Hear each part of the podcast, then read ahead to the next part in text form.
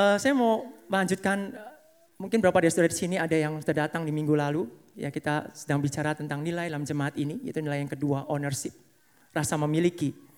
Ya, tapi hari ini saya mau menyampaikan bagian yang lain. Kalau minggu lalu kita bicara tentang si sulung, pada pagi hari ini kita mau bicara ownershipnya, rasa memiliki dari si bungsu. Saya akan buka dengan satu cerita dulu, cerita yang saya karang mungkin, tapi bisa juga terjadi ya dalam hidup kita. Uh, ada seorang ayah yang memiliki kedai, ya kedai makanan. Dia memasak setiap hari dan untuk berjualan. Ya sudah bisa bayangkan apa makanannya, apa yang sudah suka, apakah sabcai atau kue tiaw atau apa. Ya, dia memasak setiap hari makanan itu dan dia menjual, dia membuka pagi kedainya. Dan setiap kali pulang uh, pada waktu siang hari anak itu pulang sekolah, anak itu datang ke kedai itu dan ayahnya selalu memasakkan makanan untuk anak itu. Untuk makan siangnya. Ya. Dan pada waktu ayahnya memasak itu dia memberikan yang terbaik untuk anaknya dan dia kasih sepiring makanan yang terbaik untuk anaknya sesuai dengan apa yang dia pesan, sesuai dengan apa yang dia mau. Anak itu sangat senang menerima makanan dari ayahnya dan kemudian dia makan dengan sangat lahap. Dia suka sekali.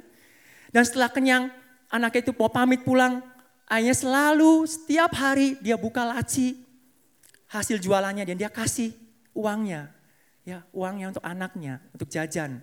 Dan untuk besok kalau kamu sekolah. Ya. Setiap hari itu berlangsung, saudara, itu berlangsung. Awal mulanya menjadi menjadi satu momen yang sangat menyenangkan, sangat dinanti-nantikan baik oleh si ayah maupun oleh si anak. Anak itu pulang sekolah dia selalu berlari-lari pulang untuk nyampe ke rumah atau ke restoran, ke kedai bapaknya. Dia mau menikmati makanan papahnya. Dan bagaimana dia begitu bersuka saat papanya memberi ya uang pada dia dan dia menerima dengan sangat bersyukur. Hari demi hari berjalan dan terus menerus, terus menerus berjalan hari terus seperti itu. Sampai tiba di titik di mana anak itu sudah mulai merasa bahwa makanan papahnya itu sudah membosankan buat dia. Dia pulang dari sekolah, dia buka menu yang papanya kasih, papanya sudah siap untuk memasakkan yang terbaik buat anaknya. Anaknya langsung melihat menu itu dari halaman pertama sampai akhir.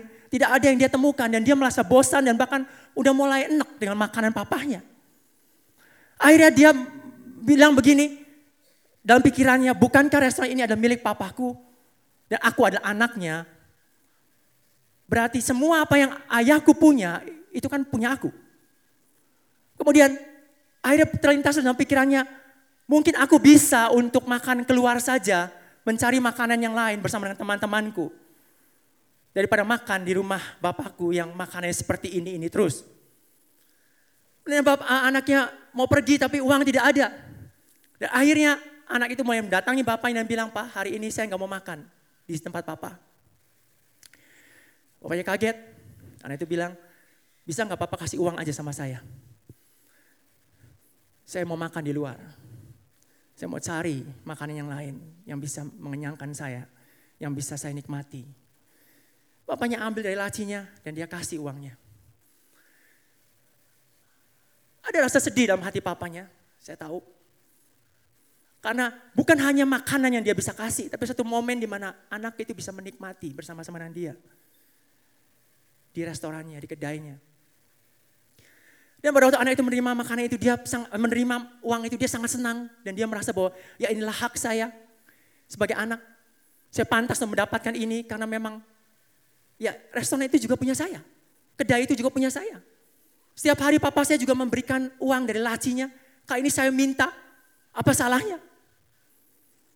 Ya, dan itu berlanjut hari demi hari terus dan akhirnya kebiasaanlah muncul yang baru. Dia selalu meminta kepada papahnya uang dan untuk membelanjakan uangnya ke tempat yang lain. Ya. Sampai suatu titik di mana dari mulai dia menerima apa yang papanya beri dengan ucapan syukur. Dia mulai meminta karena haknya. Dan ujung akhirnya pada waktu dia melihat uang yang papanya kasih ke dia kurang. Dia mulai membuka di lacinya dan dia mengambil uang itu. Karena dia pikir bukankah uang ini juga adalah uang aku. Saudara, mungkin anak itu kalau ditanya, kenapa kamu melakukan itu? Karena saya memiliki kedai ayah saya. Apa yang ayah saya punya, itu juga yang saya punya kan.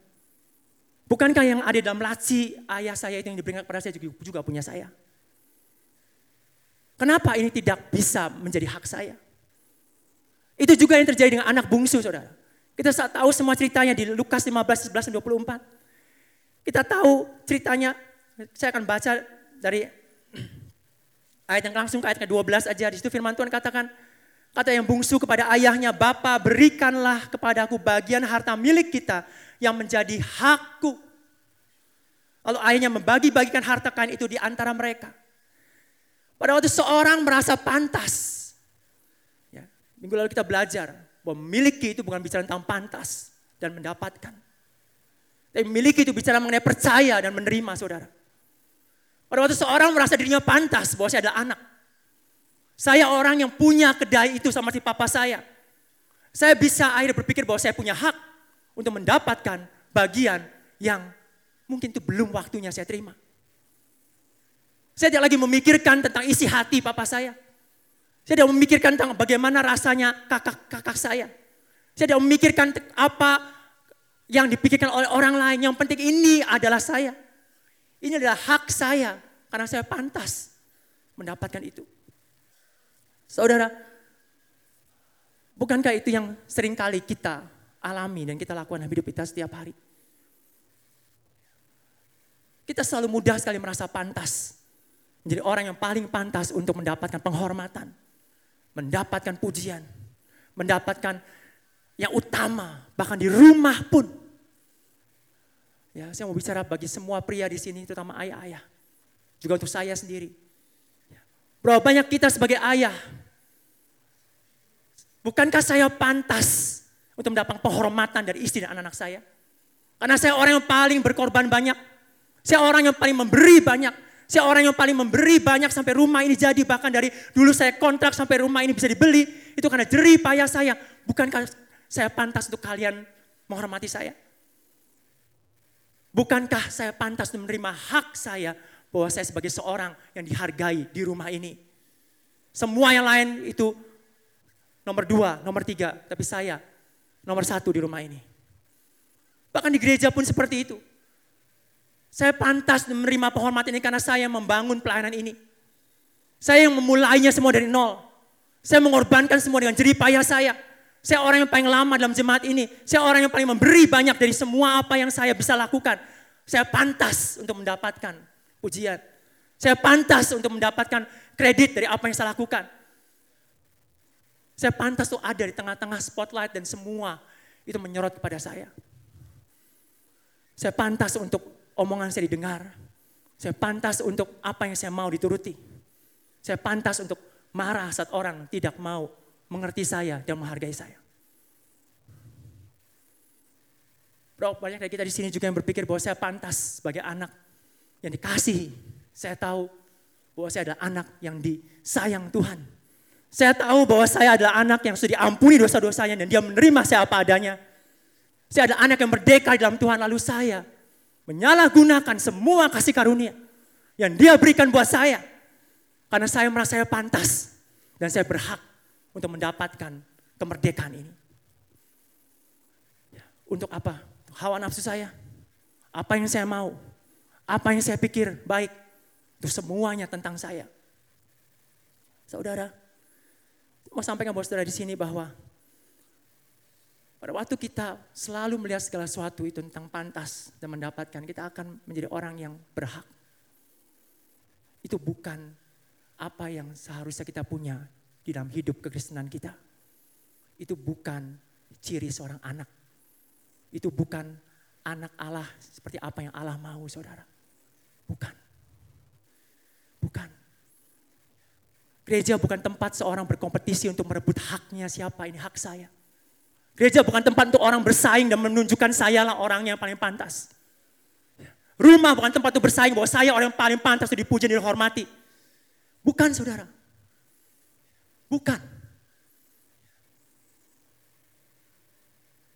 Saya ingat setiap kali saya merenungkan firman mengenai menyalahgunakan kasih karunia.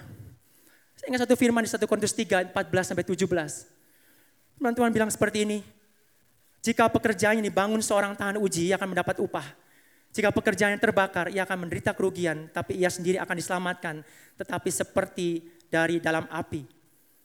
Tidak tahukah kamu bahwa kamu adalah bait Allah dan bahwa roh Allah diam dalam kamu. Jika ada orang yang binasakan bait Allah, maka Allah akan binasakan dia. Sebab bait Allah adalah kudus dan bait Allah itu ialah kamu. Paulus sudah menjelaskan di sini tentang dasar kita itu Kristus. Kita bisa memiliki dasar yang sama dalam hidup kita itu Yesus. Tapi Paulus mengatakan di sini, kamu membangun dengan apa di atasnya? Apakah dengan emas, dengan perak, dengan batu permata, dengan kayu, ya, dengan jerami atau dengan rumput kering? Paulus yang bilang bahwa kita betul, kita adalah orang-orang yang percaya pada Tuhan Yesus. Kita adalah orang-orang yang punya dasar yang benar yaitu Yesus. Betul bahwa kita pada waktu percaya pada Yesus kita akan diselamatkan dan kita akan masuk ke surga itu betul. Bukan oleh karena perbuatan saudara, itu bukan oleh karena usaha saudara. Tapi Paulus bilang, perhatikan bagaimana kamu membangun di atas dasar itu. Bagaimana kamu membangun hidup kamu di atasnya. Apakah kamu membangun dengan cara yang sembrono?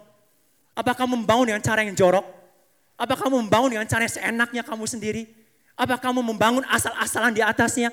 Semuanya hanya tentang saya, apa yang saya mau, hawa nafsu saya, pencapaian saya, kehormatan saya, nama baik saya, semua tentang saya. Dan firman Tuhan katakan saat api Tuhan datang, hari ujian itu datang, masa-masa sulit dalam hidup saudara dan saya. Ya. Kita akan bisa menjadi seperti seorang yang diselamatkan tapi keluar dari api. Gosong saudara. Gosong. Ya. Tuhan tidak mau kita hidup dengan cara seperti itu. Tuhan tidak ingin kita mengalami seperti itu. Bagian yang berikutnya saya mau sampaikan buat saudara di sini. Lalu ayat 16 dari kisah anak bungsu tadi katakan lalu ia ingin mengisi perutnya dengan ampas yang menjadi makanan babi itu. Tapi tidak seorang pun yang memberikannya kepadanya. Ayat 17 lalu ia menyadari keadaannya katanya betapa banyaknya orang upahan Bapakku yang berlimpah-limpah makanannya tapi aku di sini mati kelaparan. Aku akan bangkit dan pergi kepada Bapakku dan berkata kepadanya Bapak aku telah berdosa terhadap sorga dan terhadap Bapak. Aku tidak layak lagi disebutkan anak Bapak. Jadikan aku sebagai salah seorang upahan Bapak. Ada satu titik di dalam hidup anak ini saat dia sudah mem, mem, menyalahgunakan, sudah menghabiskan semua kebaikan bapaknya untuk memuaskan hawa nafsunya sampailah dia ke titik di mana dia berhadapan dengan semangkok ampas makanan babi. Saya enggak memakai istilah ini bukan berarti di firman Tuhan ada mangkoknya enggak. Tapi saya mau membayangkan ini. Itu seperti ampas makanan babi itu bicara tentang apa? Bicara tentang satu keadaan di mana saudara dan saya sudah sampai ke titik akhir dari apa? Diri saya sendiri. Saya sudah sampai ke titik akhir mentok. Ya, kalau berdiri di pojok, saya pojoknya jauh. Tapi kalau berdiri di sudut, itu saudara sudah habis. Saudara sudah tidak lagi bisa berpikir lagi yang lain. Saudara sudah merasa hancur, saudara sudah merasa tidak layak, saudara sudah merasa nista, saudara sudah merasa betul-betul sudah desperate. Habis betul-betul. Bahkan yang tadinya saudara begitu mudah menyakiti orang tanpa pikir hati mereka, akhirnya itu sudah mulai menyakiti diri saudara sendiri. Itulah ampas makanan babi saudara. Ya. Apakah Tuhan mau untuk kita sampai berhadapan dengan ampas makanan babi dalam hidup kita? Tidak. Tidak. Tapi bagaimana sering kali kita begitu keras kepala. Kita begitu degil hatinya. Kita menjadi seperti anak tadi yang lebih suka untuk menikmati di luar daripada menikmati apa yang diterima dari bapaknya. Kita menjadi menjadi orang yang rohnya selalu mengelana, mencari sesuatu, jati diri. Saya harus menunjukkan sesuatu, saya harus membuktikan sesuatu. Saya harus mencari sesuatu dan sesuatu menjadi tidak lagi selalu memuaskan. Selalu saya cari sesuatu. Saya selalu harus mendapatkan sesuatu. Saya harus dipuji. Saya harus setelah dipuji yang satu, saya harus dipuji dengan yang lain. Saya harus mengejar sesuatu dengan semua hawa nafsu, semua tentang saya. Ya. Sampai akhirnya mau gak mau, Tuhan sepertinya membiarkan kita sampai berhadapan dengan ampas makanan babi itu. Apakah sudah tahu bahwa pada waktu kita memegang pantas dan mendapatkan dan semua tentang saya, itu akan selalu berujung, akan selalu berujung kepada menghancurkan dan menggerogoti jiwa saudara, menyakiti jiwa saudara. Mau sharing dari pengalaman hidup saya pada waktu saya membaca dan menemukan firman Tuhan ini, Tuhan cuma tanya sama saya, kamu ingat ya bahwa kamu juga melihat ampas makanan babi berulang kali. Satu momen yang begitu kuat dalam hidup saya. Ampas makanan babi yang begitu kuat dalam hidup saya itu tahun 2011, saudara. Mungkin saya bisa ngomong sama saudara bahwa lahir baru saya itu tahun 2011. Sebetulnya. Tapi saya starting melayani 92. Itu belum lahir baru saudara. Ya. Saya mau sampaikan buat saudara bahwa di masa awal saya mengenal Tuhan, saya ikut Tuhan tahun 92 sampai tahun 2011 itu masa di mana semua tentang saya. Membangun kerajaan saya. Saya melakukan segala sesuatu. Saya mengejar segala sesuatu. Saya melayani bahkan di gereja. Bahkan saya melakukan apa pun juga di rumah. Itu semua adalah supaya semua orang itu bisa melihat bahwa saya yang paling. Sayalah orang yang pantas. Sayalah orang yang paling berhak mendapatkan. Dan saat saya tidak mendapatkan itu di luar, saat saya berjuang untuk mendapatkan itu dan selalu sering kali tidak memuaskan saya. Saya melihat orang bagaimana tidak bisa memuji saya dengan pujian yang saya harusnya pantas dapatkan. Orang saya tidak bisa melihat bahwa saya harusnya bisa mencapai sesuatu yang harusnya pantas saya dapatkan karena saya orang yang pintar, karena saya orang yang berusaha keras, saya orang yang lebih rajin daripada siapa pun. Pada waktu saya tidak mendapatkan itu, saya sampai di rumah, saya menyakiti istri saya, saya menyakiti anak-anak saya dengan omongan saya, dengan tindakan saya. Kenapa? Karena saya merasa saya kurang dihargai. Saya merasa saya kurang dihormati. Saya merasa saya kurang disembah oleh istri dan anak-anak saya. Seperti seakan mereka tidak mengerti bahwa saya adalah orang yang paling pantas untuk dihormati. Saat saya tidak mendapatkan yang di luar, saya menjadikan rumah sebagai tempat pembuktian bahwa saya orang yang pantas dan berhak mendapatkan sesuatu. Bertahun-tahun saya seperti itu saudara. Bertahun-tahun saya seperti itu. Semua tentang saya. Mungkin saudara tahu dan melihat, oh kok bisa gitu ya. Rasanya dulu juga melayani, apalagi sudah, sudah lama. Tapi saudara tahu persis bahwa itu yang jalan hidup saya.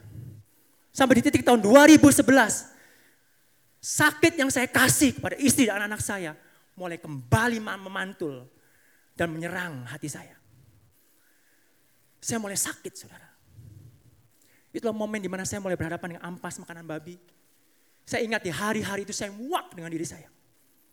Di hari itu saya benci banget dengan perlakuan saya, tindakan saya munafik, kesombongan saya, semua hal yang saya tutup-tutupi, semua kepasuan saya, saya benci dengan semua hal yang saya lakukan.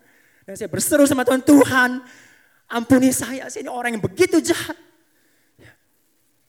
Saya begitu mau membangun karisma depan orang, tapi saya menghancurkan orang-orang yang paling dekat dengan saya. Tahun 2011 saudara, itu waktu di mana saya capek dengan semua pencarian jati diri saya. Tapi di masa itu, di masa kelam seperti itulah masa di mana Tuhan mengubahkan segala sesuatu. Ini yang saya mau sampaikan buat saudara. Ampas makanan babi bukan akhir.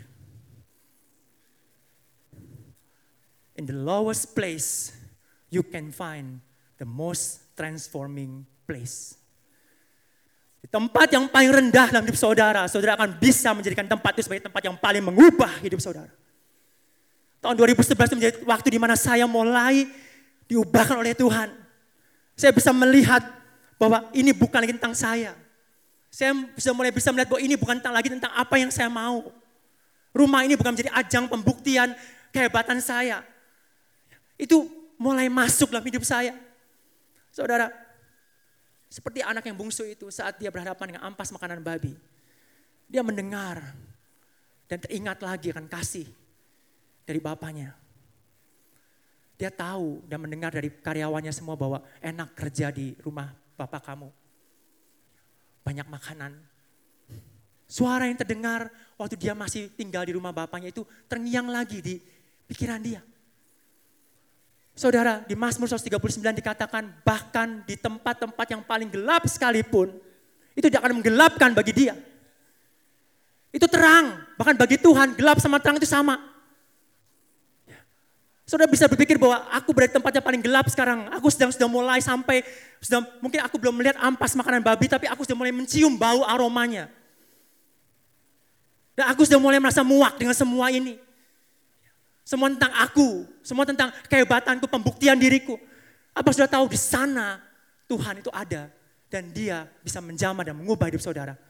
Dari situ tempat di mana saudara akan berubah menjadi pribadi yang baru saudara. Saudara, Firman Tuhan katakan di Mazmur 139 saat aku membaringkan, aku memilih untuk membaringkan tempat tidurku di dunia orang mati sekalipun. Sheol bahasa aslinya. Dunia kematian, Firman Tuhan katakan, dia ada di sana. Itulah Yesus yang kita sembah hari ini. Kasihnya begitu kuat.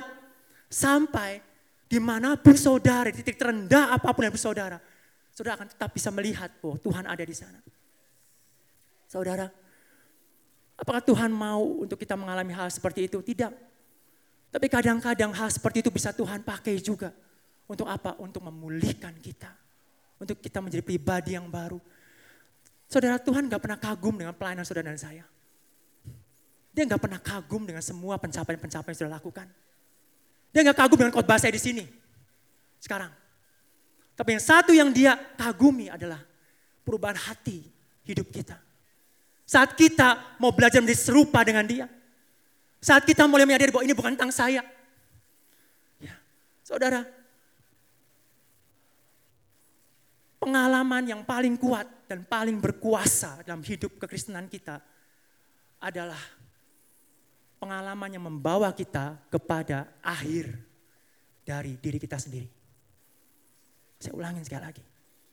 Pengalaman yang paling kuat dan berkuasa itu bukan di KKR. Bukan saat saudara menari-nari dengan begitu hebat dan begitu tingginya. Bukan saat saudara berkhotbah dengan segitu luar biasa sampai semua orang dilawat Tuhan. Bukan saudara. Pengalaman paling kuat dan berkuasa di hidup saudara dan saya adalah pengalaman yang membawa saudara kepada akhir dari diri saya. I'm done. I'm finished. Saya selesai. Saya selesai dengan diri saya. Saya tidak lagi memulai ini tentang saya. Ini tentang engkau Tuhan. Ya. Itulah sebetulnya pengalaman yang paling luar biasa yang perlu saudara dan saya dapatkan. Kadang-kadang pengalaman seperti itu memang membawa kita pada tempat yang paling bawah. Pengalaman yang membuat membawa kita pada tempat yang paling kotor. Tapi saudara, kalau itu membawa transformasi buat hidup saudara, jangan lari dari situ. Ya. Ingatlah bahwa Tuhan ada di sana.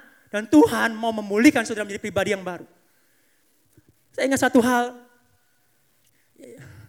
yang saya lakukan pada waktu anak saya mau pergi kuliah ke luar negeri. Saya bilang satu hal bahwa ingat bahwa selalu ada rumah yang terbuka buat kamu. Saya cuma ingin memastikan kepada anak-anak saya bahwa kalau keadaan sulit apa pun yang kamu alami di luar sana, kamu tahu persis bahwa ada rumahmu yang selalu terbuka buat kamu. Ada kasih yang selalu menerima kamu apa adanya, kamu bisa pulang.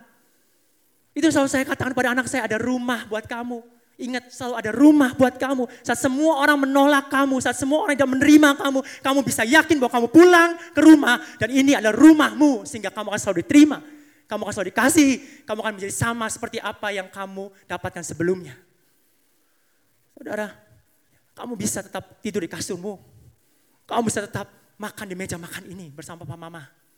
Kamu tetap bisa untuk belajar di meja belajar masa kecil kamu.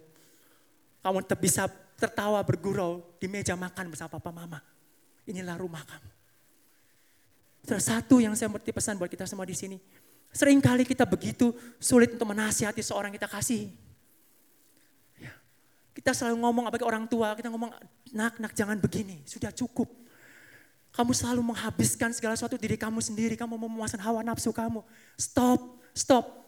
Tapi bukankah sering kali itu tidak didengar? Bukankah itu kali tidak mau direspon oleh orang yang kita kasih dan berpikir bahwa ribut, bawel, banyak ngomong, betul? Tapi apa sudah tahu bahwa ada satu titik di mana pada waktu itu mulai terjadi. Saudara harus stop. Saudara harus memandang kepada Tuhan. Saudara harus mulai melihat bahwa dia adalah kasih karunia yang begitu agresif yang akan menjangkau, akan menyelamatkan, akan hadir bahkan di hadapan ampas makanan babi sekalipun. Kita bisa bawa orang yang kita kasih kepada Tuhan. Tuhan, ya, engkau ada di sana. Aku titipkan anak-anakku, aku titipkan orang-orang yang kukasihi. Biarlah engkau yang memimpin dia. Mungkin akan sampai ke tempat ampas makanan babi itu. Mungkin akan sampai berhadapan dengan bau babi itu. Tapi percaya saudara, tangan Tuhan sanggup untuk menjangkau dan memulihkan setiap orang-orang yang kita kasih. Amin. Amin. Ya. Um, di ayat 21 dikatakan, kata anak itu kepadanya, Bapak, aku telah berdosa terhadap surga dan terhadap Bapak. Aku tidak layak lagi disebutnya anak Bapa, tapi ayah itu berkata kepada hamba-hambanya, lekaslah bawa kemari jubah yang terbaik, pakaikanlah itu kepadanya, dan kenakanlah cincin pada jarinya dan sepatu pada kakinya, dan ambillah anak lembu tambun itu, sembelilah dia, dan marilah kita makan dan bersuka cita. Saudara, pada waktu si bungsu pulang, dia sudah melepaskan semua tentang dirinya. Dia sudah melepas tentang saya pantas menjadi anak, makanya saya berhak mendapatkan semua apa yang papa saya punya. Dia sudah sampai ke titik terendah di dalam hidupnya. Dan titik terendah itu yang membuat dia mampu untuk bangkit. Dan kasih Allah Bapa membuat dia terus maju, bergerak pulang. Bergerak pulang. Walaupun tengah jalan berpikir, apakah betul saya jalan terus ke rumah Bapak saya? Apakah saya harus pulang? Apakah terus? Tapi karena keyakinan akan kasih Bapaknya. Dan keadaannya begitu hancur. Itu yang membuat dia berjalan terus. Dan dia tahu bahwa ada pemulihan di sana. Saudara, pada waktu anak itu melepaskan haknya. Pada waktu anak itu melepaskan apa yang dia pikir pantas untuk dia dapatkan. Dia mendapatkan kembali statusnya sebagai anak. Dan anak itu bukan lagi melihat sebagai haknya, tapi sebagai privilege. Hak istimewa. Saudara, hidup di dalam Tuhan itu bukan tentang my rights, hidup dalam Tuhan tentang privilege. Saya mau kasih contoh cerita. Anak saya waktu itu pernah ulang tahun waktu dia mereka masih kecil. Mereka mau dia mau membeli satu mainan untuk ulang tahunnya. Kemudian saya temenan, temenin dia untuk beli. Dan pada waktu kami mendapatkan mainan itu, dia sangat senang dan dia senang sekali diberikan mainan itu karena itu hari ulang tahunnya. Tapi setelah sampai di rumah, tiba-tiba dia ingat sama temannya, teman sekolahnya. Yang ulang tahunnya juga nggak jauh sama dia. Dan dia bilang sama saya, Pak bisakah kalau mainan ini dikasih aja untuk dia? Saya kaget. Oh iya, kamu mau kasih? Tapi saya tahu persis bahwa ini sesuatu yang baik. Lalu saya biarkan dia memberi mainan itu kepada temannya. Dan saat dia beri mainan itu, hati saya tergerak untuk saya memberikan lagi mainan yang baru buat dia.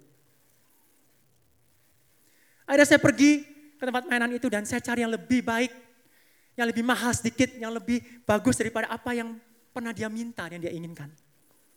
Saya bungkus dan saya kasih pada anak saya. Dan waktu, waktu anak saya terima, dia menangis. Dan dia bilang, Pak, terima kasih. Dan dia bilang, ini lebih seneng buat saya dibandingkan dengan waktu saya menunjuk saya mau ini. Saya mau ini. Pak, saya mau hadiah ini. Sudah saya mengerti artinya. Saya mengerti artinya. Firman Tuhan katakan Matius 16 25 karena barang siapa mau menyelamatkan nyawanya, ia akan kehilangan nyawanya. Tapi barang siapa kehilangan nyawanya karena aku, ia akan memperolehnya. Tuhan bicara tentang hak dan privilege. Berapa banyak kita menggenggam erat sesuatu. Ini hak saya. Ini yang perlu saya pertahankan. Ini itu, itu yang saya ingini. Ya. Hak itu bicara tentang saya pantas. Makanya saya mempertahankan itu. Makanya saya merebut itu kalau perlu. Makanya saya berusaha untuk mendapatkannya. Bahkan kalau perlu saya ribut dengan orang. Menggenggam. Hak itu bicara tentang ada rasa tidak aman di dalam dirinya. Betul? Ini tentang saya, jangan diambil. Tapi privilege itu bicara tentang saya percaya. Saya percaya, oleh sebab itu saya melepaskan hak saya. Saya melepaskan apa yang saya mau. Saya melepaskan apa yang saya pikir paling baik. Saya melepaskan apa yang saya pikir ini bagian saya yang harus saya dapatkan. Saya lepaskan kepada Kristus. Karena saya tahu bahwa dia tahu yang terbaik buat, saya dan saya siap untuk menerima apa pun yang dia berikan buat saya karena saya tahu itulah yang paling baik buat hidup saya. Itulah anak saudara. Itulah anak. Di dalam privilege itu ada faith, iman. Ada satu percayaan penuh yang begitu dalam sama Tuhan sampai berani melepaskan sesuatu. Berani menyerahkan orang yang kita kasih kepada Tuhan. Berani menyerahkan mungkin perselisihan yang kita pikir saya nggak salah, tapi saya serahkan sama Tuhan. Berani melepaskan pengampunan saat saya tahu bahwa saya sebenarnya nggak salah, tapi saya mau mengampuni orang itu. Berani melepaskan tidak dipuji oleh orang, walaupun saya tahu saya pantas, mungkin saya merasa bahwa saya paling berhak, tapi saya lepaskan itu kepada Tuhan. Karena saya tahu Tuhanlah yang akan memberikan semuanya kepada saya. Iman itu bukan tentang seberapa kuat saudara menggenggam sesuatu. Iman itu bukan seberapa kuat saudara memegang sesuatu. Iman adalah seberapa melepaskan saudara. Melepaskan sesuatu dari hidup saudara. Karena sudah percaya kepada Tuhan. Saudara, di Filipi 2, 5 sampai 11. Hendaklah kamu dalam hidupmu bersama menaruh pikiran dan perasaan yang terdapat juga dalam Kristus Yesus. Yang walaupun dalam rupa Allah tidak menganggap kesetaraan dengan Allah itu sebagai milik yang harus dipertahankan melainkan telah mengosongkan dirinya sendiri dan mengambil rupa seorang hamba dan menjadi sama dengan manusia. Dan dalam keadaan sebagai manusia ia telah merendahkan dirinya dan taat sampai mati, bahkan sampai mati di kayu salib. Itulah sebabnya Allah sangat meninggikan dia dan mengaruniakan kepadanya nama di atas segala nama. Supaya dalam nama Yesus bertekuk lutut segala yang ada di langit dan yang ada di atas bumi, yang ada di bawah bumi. Dan segala lidah mengaku Yesus Kristus adalah Tuhan bagi kemuliaan Allah Bapa. Sudah tahu bahwa Tuhan sudah mengajarkan kita untuk melepaskan hak? Tuhan Yesus firman Tuhan katakan, hendaklah kamu dalam hidupmu itu menaruh pikiran dan perasaan yang sama seperti Kristus. Dia melepaskan haknya sebagai anak Allah. Dia melepaskan haknya untuk sebagai pribadi yang patut disembah, patut dihormati, patut tinggikan. Dia melepaskan haknya sebagai seorang yang tidak harusnya mati. Dia kekal saudara. Dia melepaskan haknya untuk tidak merasa sakit. Dia adalah Allah yang tidak perlu merasa sakit seperti manusia. Dia nggak perlu diludahi, dia nggak perlu disiksa, dia nggak perlu mengalami penderitaan seperti itu, tapi dia melepaskan semuanya dan bahkan dia mati di kayu salib. Dia melepaskan haknya. Dia bicara bukan tentang yang pantas saya sebagai anak Allah mendapatkan apa. Bukan. Apa yang pantas sebagai anak Allah saya dapatkan apa? Saya di dunia ini nggak nggak mendapatkan apa yang saya pantas sebagai anak Allah. Dia lepaskan semuanya. Dan pada waktunya dia mendapatkan satu privilege di mana Allah meninggikan dia menjadi nama di atas segala nama. Saudara, saya tahu persis bahwa ini bukan sesuatu yang mudah buat kita, tapi saya percaya sekali dengan kuasa roh kudus, dengan anugerah Tuhan, kita semua bisa belajar. Dan saya berdoa sepanjang firman ini disiapkan, Tuhan mudah-mudahan ini bukan sampai di pikiran, tapi betul-betul pada waktu kita menjalani hidup setiap hari. Kita sadar bahwa ini bukan tentang saya. Ini bukan tentang saya. Ya, ini bukan tentang saya. Ayat yang terakhir yang saya mau sampaikan, satu Tawari 29 ayat 2 sampai 3. Ini Daud. Ya. Saya mau ngambil bagian ini sebagai satu poin rasa memiliki yang memberi dari dirinya sendiri. Dengan segenap kemampuan aku telah mengadakan persediaan untuk rumah Allahku, yakni emas untuk barang-barang emas, perak untuk barang-barang perak, tembaga untuk barang-barang tembaga, besi untuk barang-barang besi, dan kayu untuk barang-barang kayu. Batu permata syoham dan permata tatahan, batu hitam dan batu permata yang berwarna-warna, dan segala macam batu mahal-mahal, dan sangat banyak pualam. Perhatikan ini, lagi pula oleh karena cintaku kepada rumah Allahku, maka sebagai tambahan pada segala yang telah kusediakan bagi rumah kudus, aku dengan ini memberikan kepada rumah Allahku dari emas dan perak kepunyaanku sendiri. Saudara, Daud tahu bahwa kalau dia menjadi raja saat itu, itu bukan karena dia pantas dan dia mendapatkan itu. Dia tahu dulu dia itu siapa yang cuma dengar suara embe-embe setiap hari. Gak ada orang yang lihat dia. Bahkan ayahnya pun tidak memperhatikan hidupnya. Kakak-kakaknya lebih lagi menganggap ini sebagai si bungsu yang selalu membuat masalah. Tapi dari tempat yang paling tidak dilihat orang, Tuhan memungut Daud, memanggil Daud dan mengangkat dia menjadi raja. Bukan karena usahanya. Berkali-kali kita bisa baca firman Tuhan. Banyak kesempatan Daud mau menunjukkan bahwa saya pantas menjadi raja. Mungkin dengan membunuh Saul, bisa juga dengan membuat kudeta, bisa juga dengan menghimpun rakyat dan menggulingkan Saul. Tapi Daud tidak melakukannya. Kenapa? Karena Daud tahu ini bukan tentang saya, ini bukan tentang hak saya. Ini bukan tentang saya pantas mendapatkan. Tapi saya mau percaya dan saya mau menerima apa pun yang Allah berikan kepada saya. Saudara, dari situ Daud melihat rumah Allah. Itu bukan lagi tentang proyeknya. Bukan tentang saya. Tapi melihat rumah ini sebagai engkau Tuhan. Milikmu. Ini untuk bangsaku. Dari situlah dia muncul satu rasa memiliki yang memberi. Ya, dari dirinya sendiri saudara. Rasa memiliki itu bukan mengambil. Rasa memiliki itu memberi saudara. Kalau saya punya rasa memiliki istri saya, itu bukan seharusnya mengambil dari dia. Itu saya. Itu saya memberi pada dia. Itulah rasa memiliki. Rasa milik itu bukan bicara tentang saya pantas dan saya mendapatkan, tapi saya percaya dan saya menerima. Ya. Kalau saya memiliki istri saya, saya bilang sama dia, saya percaya sama kamu, Liv. Dan saya mau menerima apa saja yang kau mau berikan buat saya. Bukan tentang saya pantas, Liv. Kamu menghormati saya. Ya, saya pantas mendapatkan pujian dari kamu. Kamu tahu kenapa kamu gak melakukan ini. Saudara, ya, rasa memiliki itu bukan tentang saya Bukan. Kalau saudara selalu melihat ini sebagai saya, saya, saya. Saya tahu persis bahwa ujung akhirnya itu akan menghancurkan hidup saudara. Meremukkan dari dalam saudara. Dan pada titik seperti itulah, saudara akan menyadari bahwa ini semua bukan tentang saya. Ya. Amin. JB3 nanti kita akan punya tempat yang baru. Punya gedung yang baru. Betul. Rasa memiliki seperti apa sih yang kita akan punya? Apa yang kita mau bawa sebagai jemaat? Pada waktu kita sampai ke tempat yang baru nanti, saya lihat gambarnya pun sampai saya merinding berapa kali. saya melihat fotonya lebih-lebih lagi. Ada gambar pengkhotbah masa depan ya di fotonya. Yang ketawa yang paling tahu. Kemudian uh, panggung yang begitu besar. Wow, saya ngebayangnya, Lord, this is beyond my wildest dream. Ada bayang, aduh Tuhan ini kok benar-benar terjadi gitu. Apa yang hebat, yang luar biasa ini. Saudara tahu, ini bukan tentang saya. Ini bukan tentang Pastor Juliono.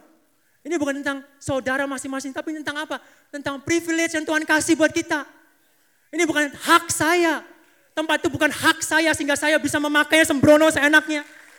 Itu adalah privilege yang kita harus jaga, kita rawat, kita kasihi.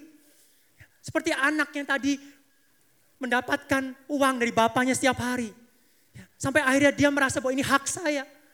Anak yang mengerti arti privilege bahwa kamu tahu enggak bahwa kalau kamu dapat makan siang gratis, kalau kamu bisa mendapatkan uang saku, itu bukan karena kamu melakukan sesuatu.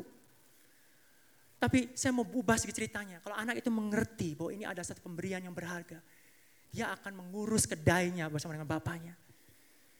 Bahkan dia akan ikut jaga lacinya supaya nggak diambil orang.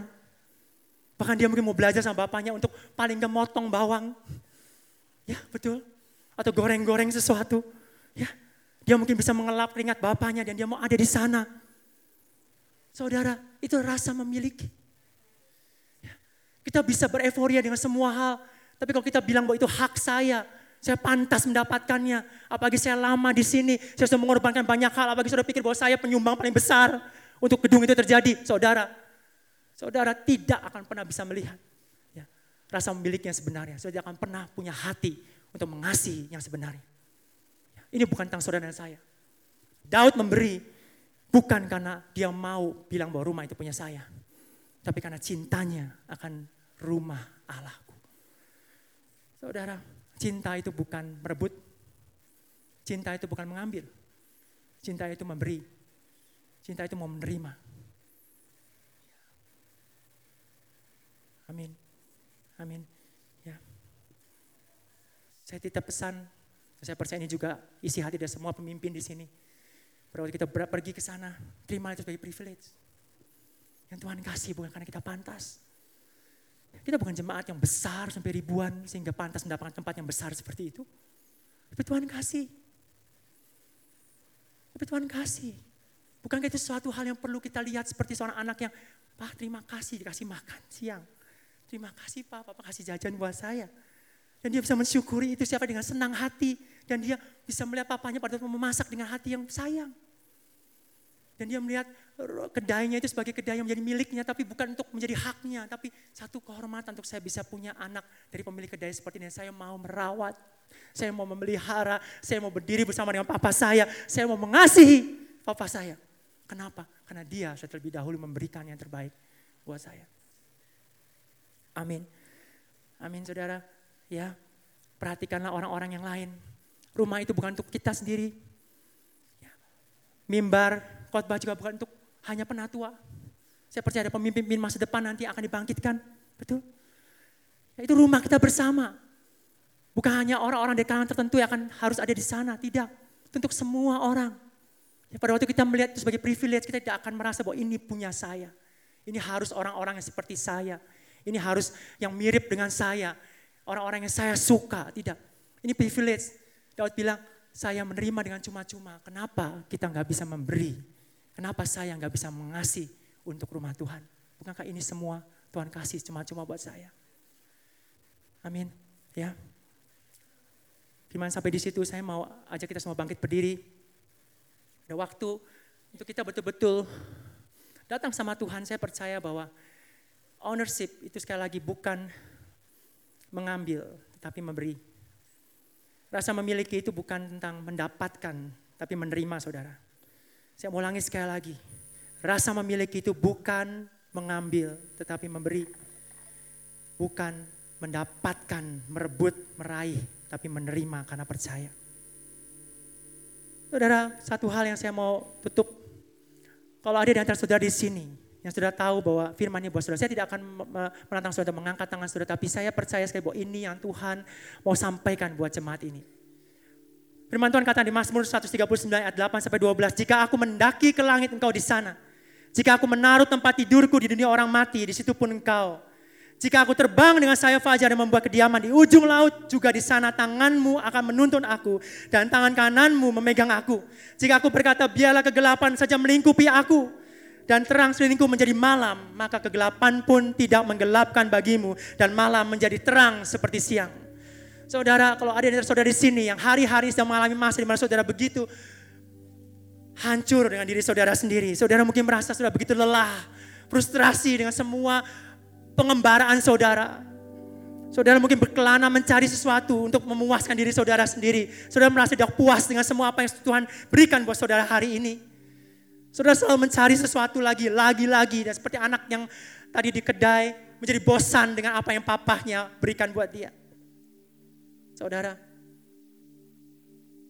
mungkin saudara sedang berhadapan dengan semangkok ampas makanan babi itu. Saudara sudah mulai merasa, saya harus berubah. Ini gak bisa saya seperti ini. Saya harus selesai dengan diri saya. Saya harus berhenti dengan semua tentang saya. Ini semua tentang Yesus, ini semua tentang Tuhan. Ini semua tentang apa yang Tuhan melakukan melalui hidup saya, bukan tentang saya. Saudara, kalau saudara sampai di titik seperti itu pada siang hari ini, Percaya bahwa Tuhan ada di sana. Ya. Dia akan mengubah tempat yang kering menjadi tempat yang berair. Dia adalah Tuhan yang mengubah tempat yang paling rendah menjadi tempat yang paling mengubah dan memulihkan hidup saudara. Kita mau bawa hati kita kepada Tuhan. Kita mau nyanyikan lagu I love you Lord. Saya mau tutup khotbah ini dengan kita semua menyembah Tuhan. Kalau saudara perlu berdoa, aku sudah ambil berdoa di waktu penyembahan ini. Tuhan, aku mau selesai dengan diriku. Aku mau pulang di tempat ini bukan lagi bicara tentang aku lagi. I'm done. I'm finished. Aku sudah mati. Engkaulah Tuhan yang hidup dalam hidupku hari ini. Tuhan tolong aku. Roh Kudus pimpin aku supaya aku bisa belajar untuk tidak lagi melihat semua harus tertuju kepada aku. Berikan pada aku aku yang hati yang rela untuk melihat orang lain. Bahkan orang-orang yang tidak aku kenal. Mendapatkan sesuatu yang lebih baik daripada apa yang aku dapat. Tuhan, Biarlah kami bisa memiliki perasaan dan pikiran sama seperti Engkau, Yesus. Yang tidak menganggap kesetaraanmu sebagai anak Allah itu sebagai sesuatu yang patut dipertahankan. Kami tidak mempertahankan hak kami. Kami tidak mempertahankan ego kami. Kami tidak mempertahankan status kami, Tuhan. Kami mau melepaskannya, kami mau menyerahkannya kepada Engkau. Terima kasih Tuhan.